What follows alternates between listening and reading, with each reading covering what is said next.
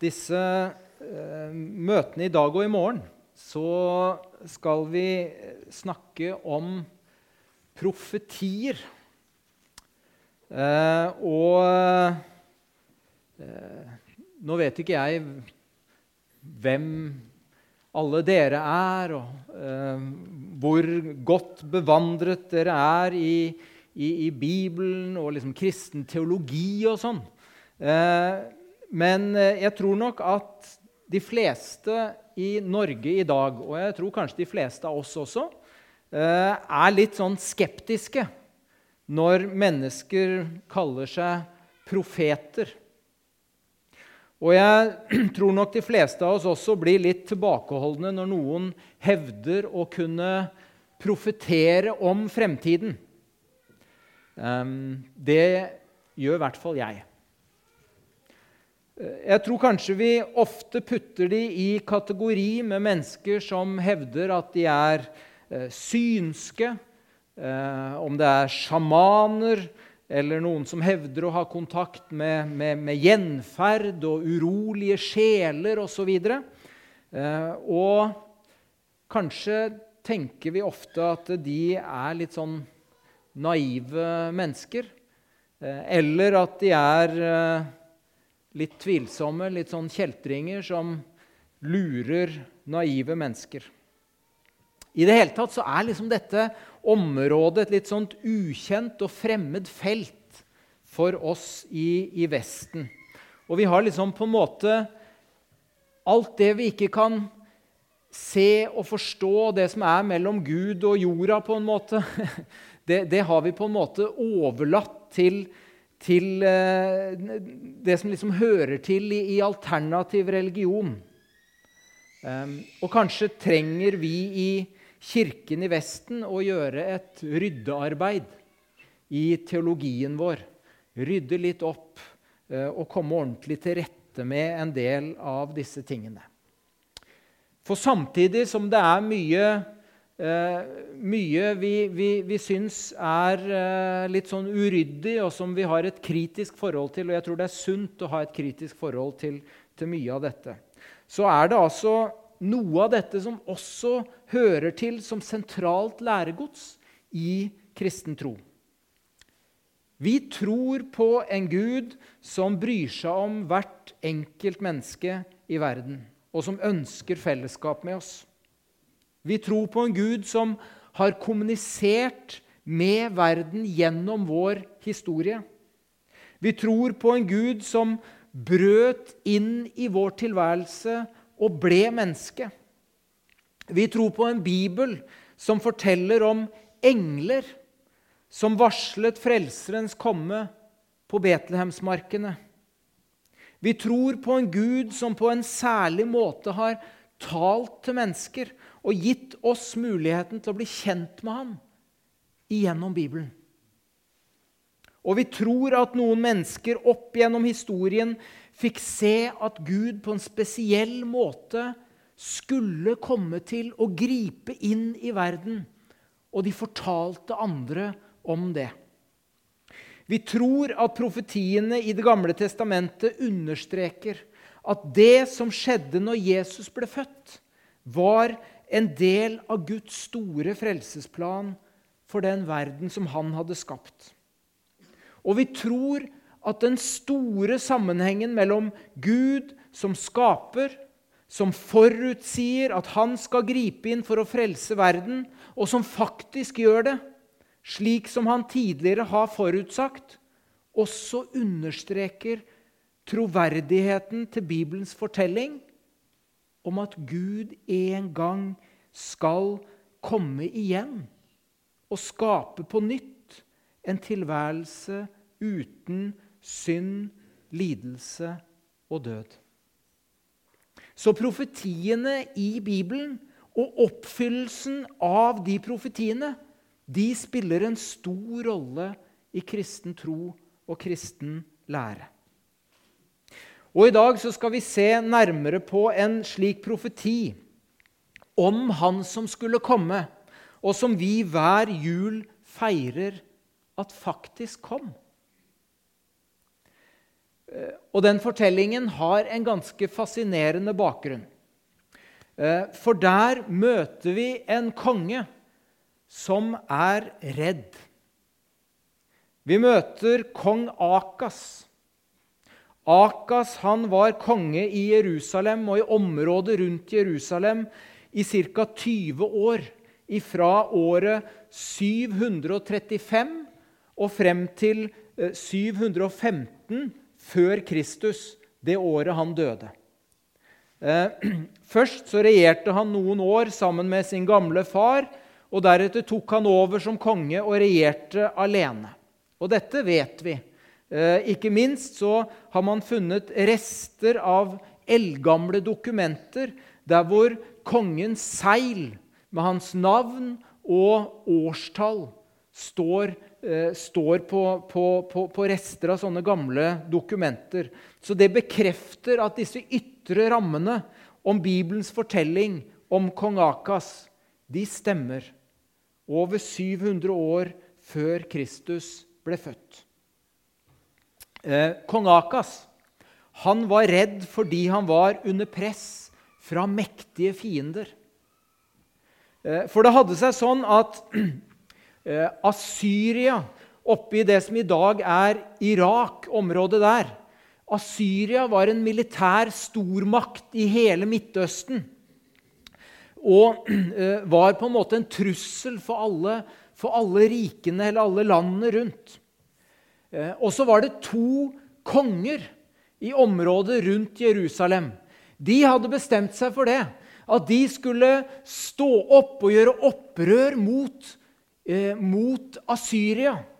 De skulle kjempe mot Asyria.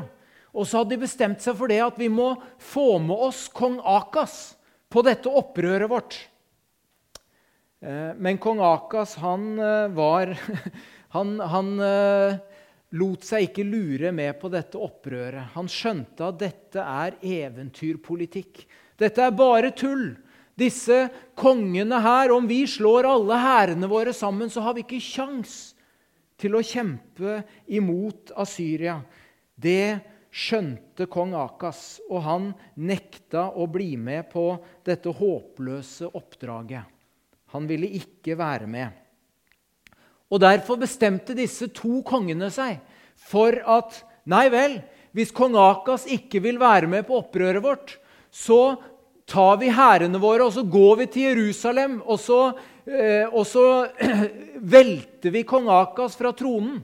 Og så innsetter vi en ny konge, en konge som er vennlig innstilt overfor oss og overfor opprøret vårt. Eh, og kong Akas han får så beskjed om at nå står disse hærene utenfor Jerusalem, beleirer, venter på og ser om de kan få komme til å angripe byen. Og så er det en mann som heter Jesaja, uh, som vi uh, kjenner godt i Det gamle testamentet. Han forteller at han fikk en beskjed av Gud om at han skulle gå med bud til kong Akas og gi han råd om hvordan han skulle handle i denne situasjonen her. Så Jesaja han var altså en profet, en som brakte et budskap fra Gud til mennesker. Og budskapet til kongen, det var et flott budskap. Han ga beskjed om at han skulle ikke være redd. Han hadde ingenting å frykte. Og disse to kongene var ingenting å bry seg om. Bare hold deg i ro, sier Gud. Bare hold deg i ro. Bare steng byportene, og jeg skal sørge for dere. Det var løftet som Gud ga. Du skal ikke følge disse kongene. Men du skal heller ikke søke hjelp hos andre konger. Det var profetens budskap ifra Gud. Kong Akas han fryktet både det, det, ene og det andre. Og en av tingene han var redd for, det var at folket i Jerusalem ikke skulle få nok vann når de ble beleiret. For Jerusalem hadde nemlig et, et system med vanntilførsel til byen fra en liten kilde eh, som het Shiloa. Eh, og den var knyttet til et lite oppkomme, eller et oppkomme hvor det alltid kom rennende vann. Det alltid var friskt vann til byen. Eh, og Profetens budskap fra Gud var altså at kongen ikke hadde noe å bekymre, bekymre, seg for. At han bare skulle stole på Gud. At kongen skulle stole på at Gud ville sørge for dem. At kongen kunne stole på at denne friske vannkilden ikke ville tørke ut, men at den ville fortsette å velle fram friskt vann og gi vann til byen og til befolkningen. Bare ta det med ro. Stol på meg, sier Gud. Ja, han oppfordret til og med kongen. Hvis du ikke kan tro, så kan du be om et tegn. Du kan be om et tegn om det er oppe på himmelen eller nede i naturen. Be om hva som helst. Og jeg skal vise deg det. Jeg skal bekrefte at det jeg sier, er sant. Be om hva som helst. Be om et tegn. Det var budskapet. Ja, hvordan tror dere kongen tenkte om dette? Vel, han tenkte slik. Her står jeg. Utenfor byporten er det en hær som vil styrte meg fra tronen. Gud sier at jeg bare kan slappe av, at fiendene ikke kommer til å lykkes, at jeg bare skal stole på Han, og at dette lille oppkommet skal fortsette å gi oss friskt vann, og at det skal være nok for Jerusalem. Kongen synes det så dårlig ut. Han synes det var et risikabelt prosjekt. Han syntes det var vanskelig å tro på Gud. Han syntes det var vanskelig å tro at Gud ville gripe inn. Ja, Det er vel kanskje ikke så rart, sier vi. Kanskje er det noen av oss også som syns det er vanskelig å tro på Gud. Når venner, naboer, familie ikke tror på Gud. Når mediene ofte latterliggjør kristen tro. Da kan det være vanskelig å tro på Gud det kan være vanskelig å tro at Bibelens fortelling er sann. Men israelsfolkets historie og Akas sitt folks historie var jo full av fortellinger om en Gud som valgte dem ut, og som tok seg av dem på en konkret måte. Som førte dem ut av Egypt. Og festene, feiringene, høytidsdagene de kretset om å gjenta og gjenfortelle de historiske hendelsene. Om, om alt det Gud hadde gjort. Og minnet om dette levde sterkt i folket og i folkets eh, historie og bevissthet. Men Akas hadde likevel en mye bedre idé enn å stole på Guds beskyttelse. Jeg tar heller kontakt med den regionale stormakten, med Asyria, og ber om hjelp derfra, tenkte kongen. Det var kongens løsning i møte med fienden. Det var langt mer håndfast. Og kongen i Asyria kunne stille med langt flere sverd og spyd enn Gud stilte til disposisjon. Akas trengte ikke be to ganger. Kongen i Asyria var mer enn villig til å hjelpe. Men prisen var høy. Prisen var selvsagt å gi opp sin frihet og underkaste seg Asyria og bli et slavefolk som betalte høye skatter. Forlokkende kanskje på kort sikt, men en fryktelig dårlig løsning på lang sikt. Og budskapet fra Gud var enkelt. Du velger å ødelegge landet. Du fører landet og folket ditt ut i krig og nød, og elendighet. Du velger bort min omsorg og min beskyttelse. Istedenfor å stole på den lille Shiloah-dammen, så stoler du på Eufrat og Tigris og de svære, de svære elvene. Men de elvene kommer til å oversvømme landet ditt, var budskapet fra Gud. Sånn går det når du ikke vil stole på meg og lytte til meg. Når vi vil følge vår egen klokskap fremfor Gud. Men det finnes likevel et fremtidshåp, fikk Akas beskjed om fra profeten. Det er et håp som overskygger alt annet, et løfte om at til tross for deg og dine valg, Akas, så skal Gud en dag gripe inn. Det skal ikke for alltid være mørke i det land hvor det nå er trengsel, sier profeten. Og redningen er merkelig, for den skal komme gjennom en liten baby som skal fødes til jorden. Og han skal være en helt annen type konge enn du er, Akas. Og det hører vi om i Jesaja kapittel 9, vers 6. Der står det sånn For et barn er oss født, en sønn er oss gitt. Herredømme, kongedømme, er lagt på hans skulder. Hva slags konge skulle dette være? Jo, han har fått navnet Underfull rådgiver, Veldig Gud, Evig Far og Fredsfyrste. Så skal herreveldet være stort og freden uten ende over Davids trone og hans kongerike.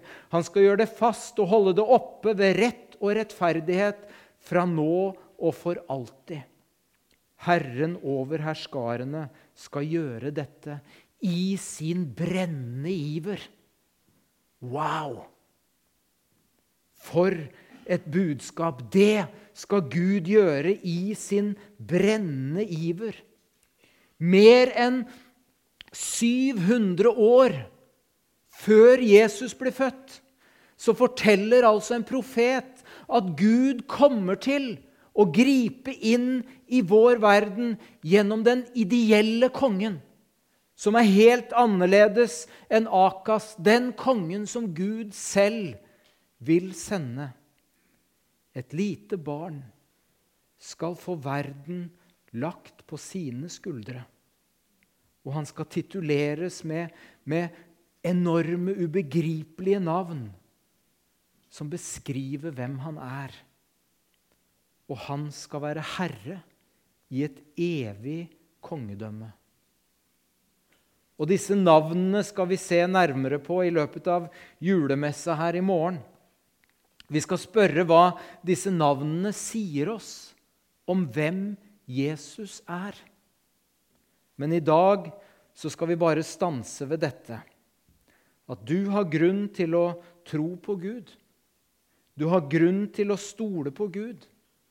Selv om det stormer rundt deg, selv om fiendene samlet sine hærer utenfor Jerusalem, så var det ingen bedre løsning for Akas enn å stole på Gud. Jeg trenger olje, var det en gang en munk som sa. Og så plantet han en olivenstikling.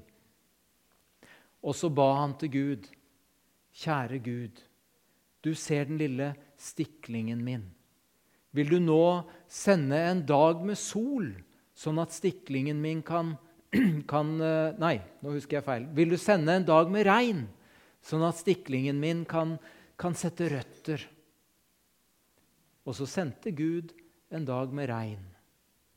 Og Neste morgen så går munken igjen ut og så ber han, kjære Gud, vil du nå sende en dag med sol for, å, eh, for at denne styklingen min igjen kan at, at, røttene kan vokse, og at den kan, kan vokse seg sterk? Og så sendte Gud en dag med sol. Og Neste dag så ber munken igjen, Herre, vil du nå sende en, en frostnatt for å gjøre den lille stiklingen min robust og sterk. Og så sendte Gud en frostnatt. Og når munken dagen etter kom ut for å se til den lille stiklingen sin, så lå den frosset til døde der ved klostermuren. Og i sorg så gikk han og banka på døra til en bror og fortalte om stiklingen sin. Og så sier denne broderen at også jeg plantet en sånn stikling. Skal vi sammen gå ut og se til stiklingen min? Og så gikk de ut, og så fant de at stiklingen til denne andre broderen var sterk og robust og hadde vokst seg stor. Og så sa han det. Også jeg ba til Gud. Jeg sa, Herre, du vet best hva min lille stikling trenger.